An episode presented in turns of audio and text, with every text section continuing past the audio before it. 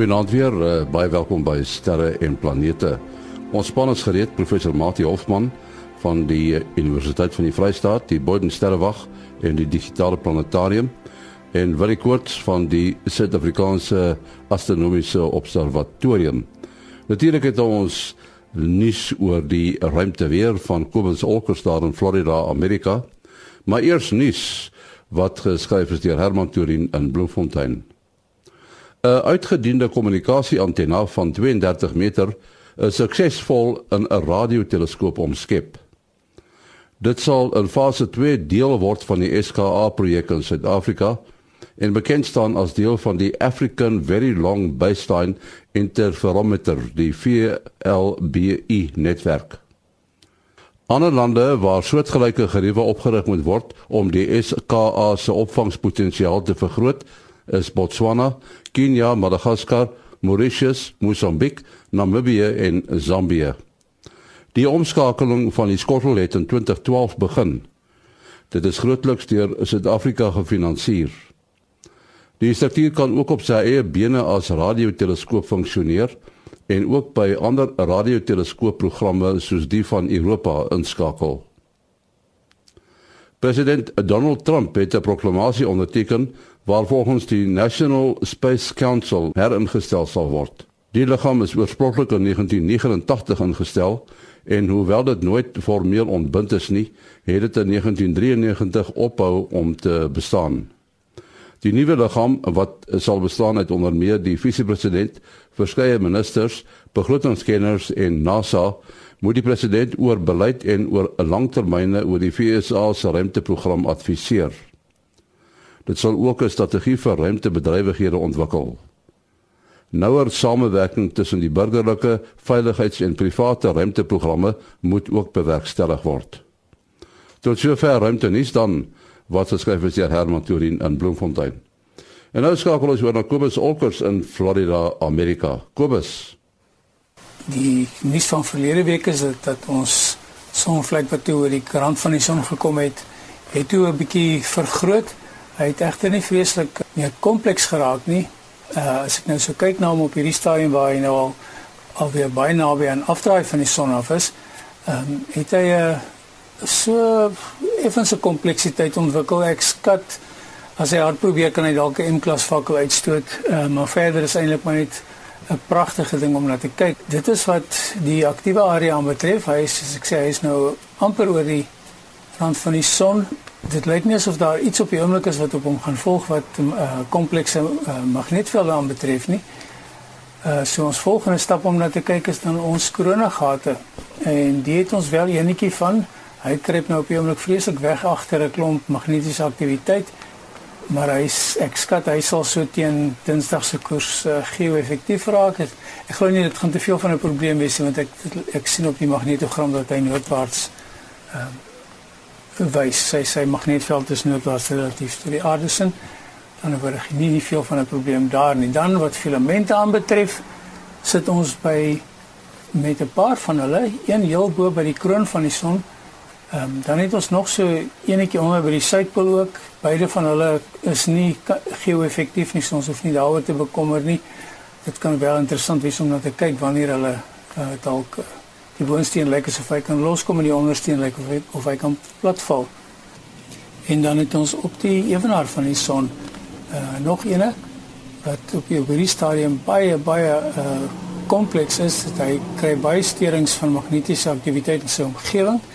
Ehm um, hy sal geo-effektief wees teen uh môre, uh maandag tanoorde en hy kan dit gaan net afhang wanneer die ding gaan loskom. Uh, hy lyk definitief so definitief asof hy kan losgelaat word en so enige tyd van tussen maandag en donderdag. As hy sou loskom dan kan ons 'n bietjie effek op die die aarde kry, maar weer eens dit is maar meestal die radioamateurs wat dit sal voel.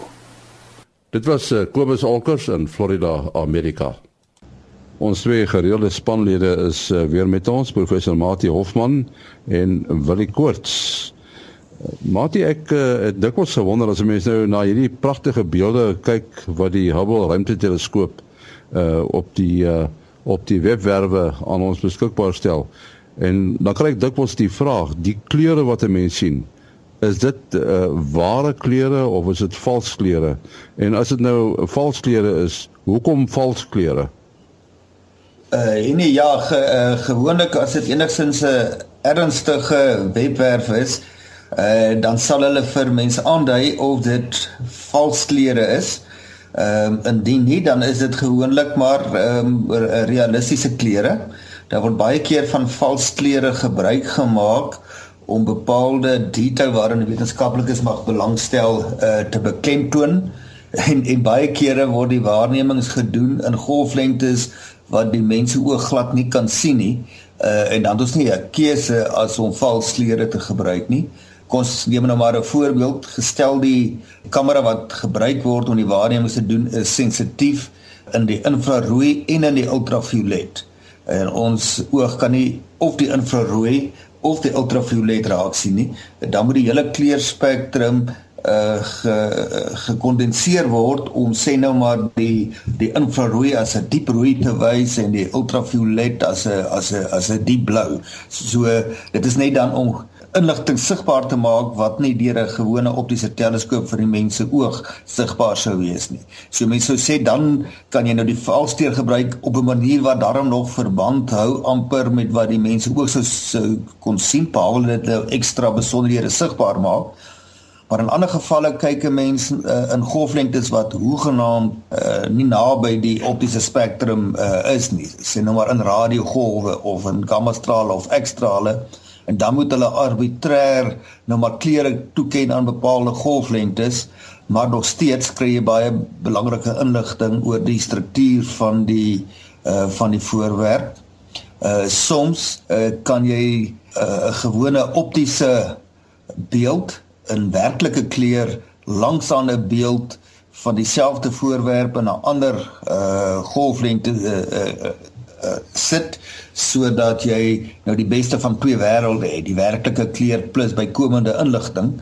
'n baie goeie voorbeeld daarvan is die foto's wat al of die beelde wat al gekry is van die krapnevel met die pulsar diep in die hart van die krapnevel. Dit is nou die oorblyfsels van 'n uh, supernova ontploffing uh, wat die Chinese sterrekundiges as ek reg onthou in 1054 waargeneem het.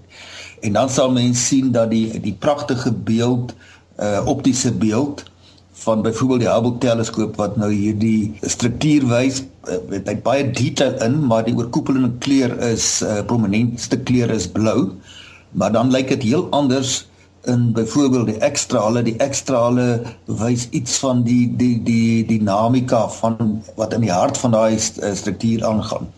Uh so dis nou maar enkele opmerkings uh, daaroor wil ek kan seker uh heelwat aanvul. Ja, ek wil miskien net byvoeg so wat mense nie altyd besef nie is dat die kameras wat ons in sterrekunde gebruik is almal swart en wit kameras. Deur die bank, daar is nie kleurkameras. Daar is so hier en daar, maar jou regte wetenskapkameras is altyd swart en wit en uh die rede is nie omdat sterrekundiges boring is nie maar eintlik die prentjie uh, wat sterrekundige gesien is eintlik 'n byproduk so waarin hulle belangstel is eintlik die helderheid van die sterre met 'n baie in 'n baie hoë akkuraatheid so die uh, uh CCD's die die die detektors wat ons deesdae gebruik uh wat nou in digitale kameras en selfone uh met 'n effense afwyking is in sterrekunde eintlik gedruk en en geontwikkel uh om om die mees ligsensitief te wees en en sterrekunde het dit eintlik gedryf ons gebruik al uh, digitale kameras vir oor die 30 jaar uh by ons sterrewag in in in nou in observatory en uh of in Sutherland natuurlik nou Nog 'n rede hoekom ons dit dan doen is is uh soos ek sê om meer ligsensitief te wees uh, uh want jou kleur uh kameras verloor heelwat inligting. So die manier hoe hulle dan die kleur saamstel is deur filters te gebruik. Wat 'n mens nie eintlik besef nie is as jy 'n foto neem met selfs ou kleurfilm of met uh, met 'n kleurkamera dan nou vandag is daar eintlik um kleurfiltertjies oor sekere pixels en dan word die volkleur prent daai opgemaak uh so wat ons doen is ons het um ons sit dan een filter voor sê 'n rooi filter en dan 'n blou filter en dan 'n groen filter en dan kan ons 'n ware kleur 'n uh, uh, foto daaruit opmaak. En dan soos Martin nou ook gesê het, baie maal om van die inligting 'n bietjie uit te bring, uh gaan jy dan um, gaan jy dan van kleure of vals kleure gebruik maak. Nou uh, een van ons sterrekundiges in in die Kaap is uh, interessant. Hy het sy oog het 'n effense kleurafwyking. Um nou ons weet van kleurblindheid waar mens byvoorbeeld een van die primêre kleure nie kan sien nie. Sy oog het 'n het 'n tipe van 'n afwyking dat dit lyk asof daai kleur eintlik uitstaan bo kan nie anders amper so 'n 3D eh, is moeilik om dit te beskryf. Wel mens kan hom self nie sien nie so jy hoor maar net hoe die persoon dit beskryf. Hy sal dan baie maal sy uh, beelde manipuleer om hierdie afwyking van sy oog uh, gebruik te maak van. So as hy dan die inligting waarin hy belangstel sê nou maar in uh, die helderheid in, in rooi lig voorstel, dan dan vir hom staan dit uit. Dit sit bo op die prent en en die goeie spring letterlik uit die uit die foto uit. So ja, is net uh, interessant dat 'n mens dan uh, as 'n mens genoeg breinkrag agter dit sit, kan jy die afwyking en die foute in jou oog kan jy tot jou eie voordeel gebruik. Ja, ek wil ek sal 'n bietjie met daai kollega van jou moet gaan gesels want uh, ek het lyk like my dieselfde blykbare bruikbare defek. Ah. Ja, ja, ek het nou verstaan ek hoekom ek soms uh goed in 3D sien wat ander mense net uh, plat sien. Ja, destyds toe daai uh, prentjies uitgekom het wat 'n mens so moet staar na die papier en dan spring daar 'n 3D prentjie uit, het ek nou omtrent gesukkel. En uh, ek vat dit na hom toe en, en hy kyk dit so en hy poep hy sê dis dit. Ek sê hoe het jy dit reg gekry? Hy sê nee. So ja so dit help partymal help hierdie afwykings vir jou uh die term wat dikwels gebruik word uh, met fotos is digi digitally enhanced so sou mens kon sê dit is nog uh, as hulle net daai term gebruik nog naby aan die werklike kleure, maar dis nou net die relatiewe helderheid van die kleure of die kontras wat mee gespeel word om dan nou detail uit te bring. Weet ons doen dit mos maar met ons uh, eie fotos uh, wat mens oplaai op jou rekenaar net om dit so bietjie beter te lyk like, of die blou mooi bietjie helderder te laat lyk like, uh, of wat ook al. Ja, dis 'n is 'n goeie vraag. Dit is nou soos jy sê eintlik meer na die fotografie en na die kunswêreld toe amper, maar dit is so uh uh me, mense is is baie geneig om te sê maar die ding is gefotoshop. Nou ja, Photoshop is natuurlik 'n produk, uh 'n baie goeie produk en om die waarheid te sê, geen fo professionele foto waarna jy vandag kyk is nie gefotoshop nie. Nou dit beteken nie dat dit is nie die waarheid wat jy daar sien nie. Al wat dit beteken, sê nou maar mense 'n uh, uh, foto van iemand se vel en daar's nou klein musiekies en goedjies dan haal hulle die uit en ehm um, so so 'n voorbladfoto van 'n tydskrif sal uit die aard van die saak bietjie anders ter lyk as die oorspronklike foto. Uh um, so die digitally enhanced is seker dan 'n oorkoepelende term vir om om soos jy sê detail uit te bring en anders te verbloem en en so aan so en ek en ek dink die die die term wat die mense wat sê die ding is gefotoshop eintlik aan dink is is digitally manipulated. So eh, dit kom natuurlik as jy goed begin te verander en ons sien uh so nou en dan op ons Facebook bladsy kom daar sulke fotos van waar die volmaan en die son langs mekaar sit. ja, dit is nou nie dis nou nie moontlik nie. Ons almal weet met volmaan sit die son aan die een kant van die hemel en die maan aan die ander kant uh so dan gee hulle hulle self weg. So daai sal ek sê is dan digitally manipulated en dit is wat in die volksmond uh, sommer bekend staan as dis gefotoshop. En uh, uh um, maar soos jy sê die meeste van ons fotos om bietjie die uh, ding mooier te laat lyk en bietjie uit te bring sal ons 'n bietjie speel met die kontras klompie van die van die kleurfunksies wat eintlik dan net die foto laat beter lyk uh eerder as om hom te manipuleer dat dit nie die waarheid meer uh, daarstel nie. Matie, kom ons praat 'n bietjie oor oor lig in die ruimte. Ek dink uh baie mense het nou al gesien as 'n mens kyk na die uh die aktiwiteite op die internasionale ruimtestasie as die ouens besig is met herstelwerk buite die tuig.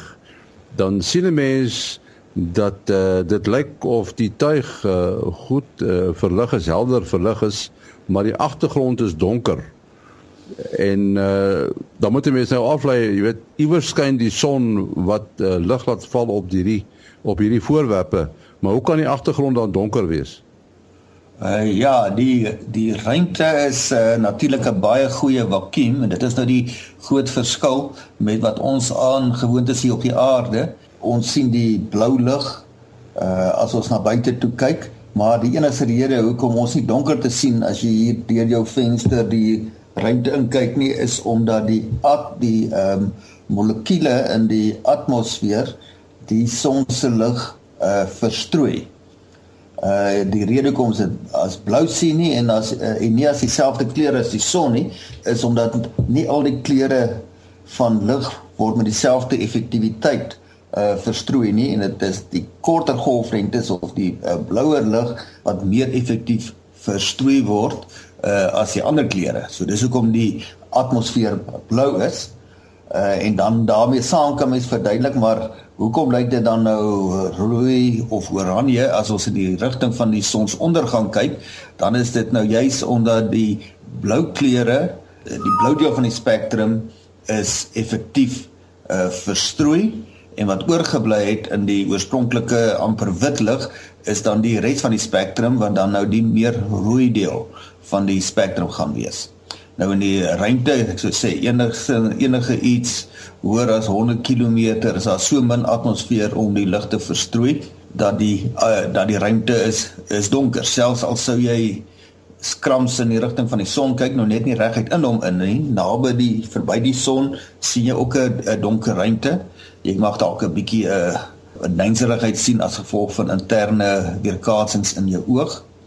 En as ons nou ook maar net dink aan die beroemde fotos uh, van die Apollo sendinge op die maan, net bo die maan se oppervlak, al is daar sonlig op die oppervlak, is dit donker.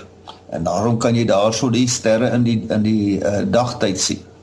Uh net iets anders uh, wat ons oor moet praat uh, is uh Juno. Nou Juno is die tuig wat uh, in die omgewing van Jupiter uh, rondwentel. Uh, Willie, uh, ons het ek dink in die verlede toe Japie by was gepraat oor die vraag of die uh, of die tuig oor die rooi kol gaan beweeg en dit lyk my dit gaan nou een van die dae gebeur. Ja, dis reg. Ehm um, dit is nou 'n baie goeie geleentheid.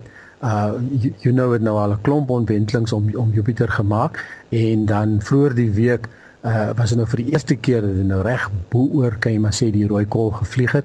Uh soos ons praat is die data nou besig nog om in te kom en ons verwag binne uh die volgende afsienbare tydjie baie binnekort verwag ons om nou hierdie foto's te te sien van die rooi kol van heeltemal naby af. Nou ja, soos ons weet die rooi kol is nou hierdie noem dit nou maar 'n sikloon of tifoon of een of een of ander baie sterk warrelwind in die omgewing van 400 km/h wat al woed so lank as wat teleskope gerig is na Jupiter. Ten minste vier aardes kan binne in die uh in die storm inpas. So dit is 'n geweldige hoeveelheid energie waarvan ons praat hierso. En uh, ja, so vir die eerste keer is ons nou gaan ons nou sien hoe lyk dit van naby. Nou ja, baie maal as mense dink so van naby af kyk, dan verloor jy in seker so half van die al die detail. So dit sal nou interessant wees om te sien uh as 'n mens nou regtig binne in die hart van hierdie storm kyk waar nog klein stormpies is ensovoorts. Ja, so dis ba baie groot op opgewondenheid op hierdie stadium. Ek kan nogal dink hoe Japie hulle se span daai kant moet voel. Ja, uh, nee, dit is interessant. Dit is jy's net so bietjie meer as 'n jaar gelede wat ons met die met die eerste keer met Japie oor Juno gesels het en hy uh jy's op 4 Julie laas jaar op die Amerika se spesiale dag het hy by Juno aangekom en is nou uh op enkele dae na is dit 'n jaar na daai aankoms wat hy nou op sy naaste by die sover by die uh, Rooikop verbygevlieg het op 'n afstand van ongeveer 9000 km, maar wel almal sien nou uit daarna om die beste uh beeld ooit van die beroemde rooi kol te kry. Uh wat detail gaan wys wat net uh wel ondenkbaar is wat net oor gedroom of gehipnotiseer kon uh, kon word. En natuurlik gaan dit nie net oor mooi foto's kry nie maar om daardie stelsel baie beter te verstaan. Daar's nou 'n globale idee al maar daar op 'n bietjie meer uh mikrovlak in terme van weerkundige stelsels is die vraag wat dryf hierdie uh storm? Wat gebeur met sy energie? Nou ons weet hy's tussen twee jetstrome vasgevang. Ehm um, maar die aanduidings die afgelope enkele uh dekades is dat die rooi kolk kleiner word en ook ronder.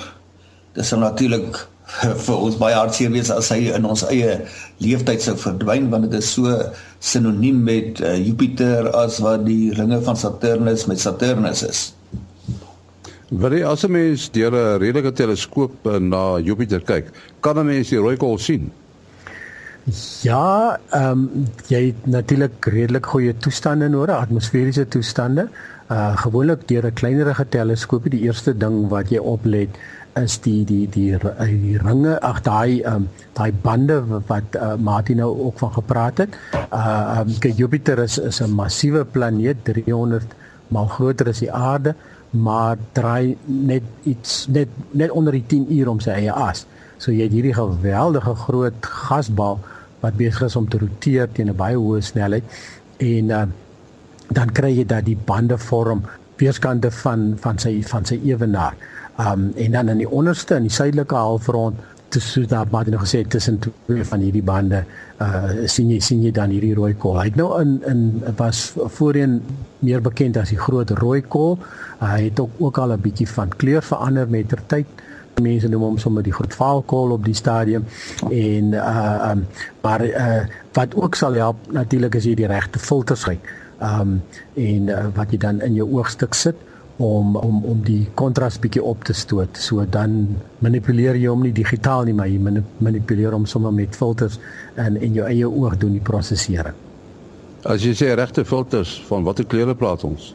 Uh ja, ek is nie presies seker watse filter uh gaan jy gebruik nie. Ek dink amper mense kry filters wat so half amper spesiaal bedoel is vir uh vir Jupiter en detail op Jupiter. As ek reg onthou in die, in die ou dae het die mense rooi en in pinkerige filters ook gebruik om bietjie bietjie inligting uit te kry. Ja. Ja, mens sou tegnies praat van uh breëband en uh, nouband filters uh, as mens nou byvoorbeeld met die regte toerusting na 'n baie helder voorwerp soos uh, soos die son kyk, dan kan jy filter kies wat net die golflengte van 'n sekere rooi golflengte van waterstof deurlaat en dan gaan jy ongelooflike detail van sekere prosesse, veral van die sonuitbarstings kan sien.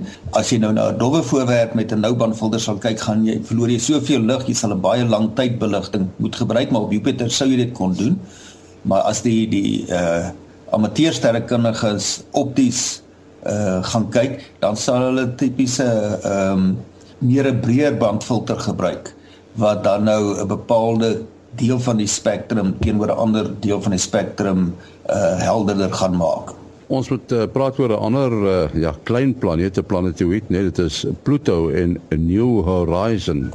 Uh uh okkultasie het uh, onlangs plase van daar Uh dit is nou om sekere inligting te kry. Uh, weet jy iets van die okkultasie, Mati?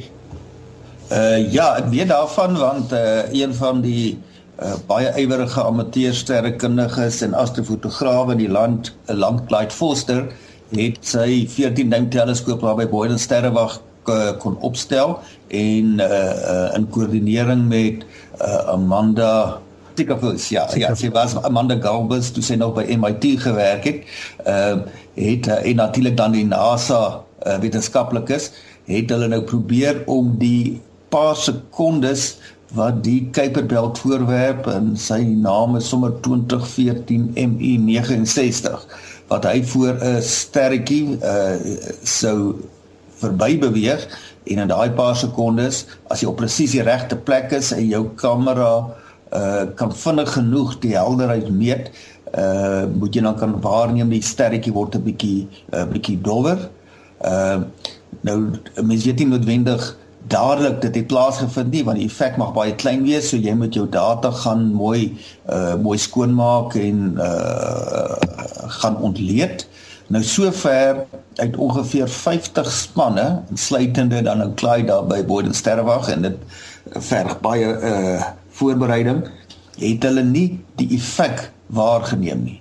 Uh mens weet nooit presies waar die pad van die okkultasie gaan uh, gaan uh, wees nie. Daarom het mens verskillende waarnemers nodig.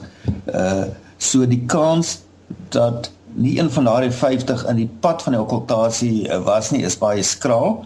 Uh so dis 'n 'n negatiewe resultaat wat tog heelwat sê uh want dit is 'n aanduiding van 'n paar moontlikhede. Uh die voorwerp is dalk kleiner as wat hulle gedink het of hy is nie so donker nie dat hy nog heelwat van daai lig weer uh weer kaats het. Hulle is taamlik kan taamlik seker aflei hy het nie 'n stofwolk uh of 'n wolk van afval rondom hom nie. Nou die rede hoekom hulle hierin belangstel is hulle wil weet hierdie sover baie suksesvolle tuig ons hoef maar net te dink aan die ongelooflike waarnemings wat van Pluto gemaak is. Hulle wil nie graag hom in 'n gebied uh laat invlieg waar hy uh te doen het met 'n klomp afvalstukke, klippe en stof wat hom gaan uh, gaan verniel nie. Ehm um, so die feit dat dit nie lyk of daar so 'n uh, 'n wolk van stof rondom hierdie voorwerp is nie, want dan sou mens tog die uh die effense verduistering van die ster se lig baie makliker kon sien. Ja, ek wil sien net byvoeg. Ja, so die uh soos jy sê Amanda self het was ook betrokke. Sy het uit Sutherland uit waargeneem en ook ook niks gesien daarso nie.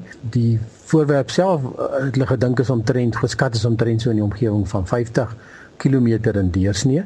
So hulle dan nou die twee spanne omtrent 25 hier na Suid-Afrika toe gestuur en dan het sy uh, skade weer ook oor Argentinië beweeg en uh, en daarso het hulle ook 'n klomp mense opgestel. So hulle stel dan tipies teleskope op in 'n in 'n lyn dwars oor die uh pad waar die skade weer sal beweeg.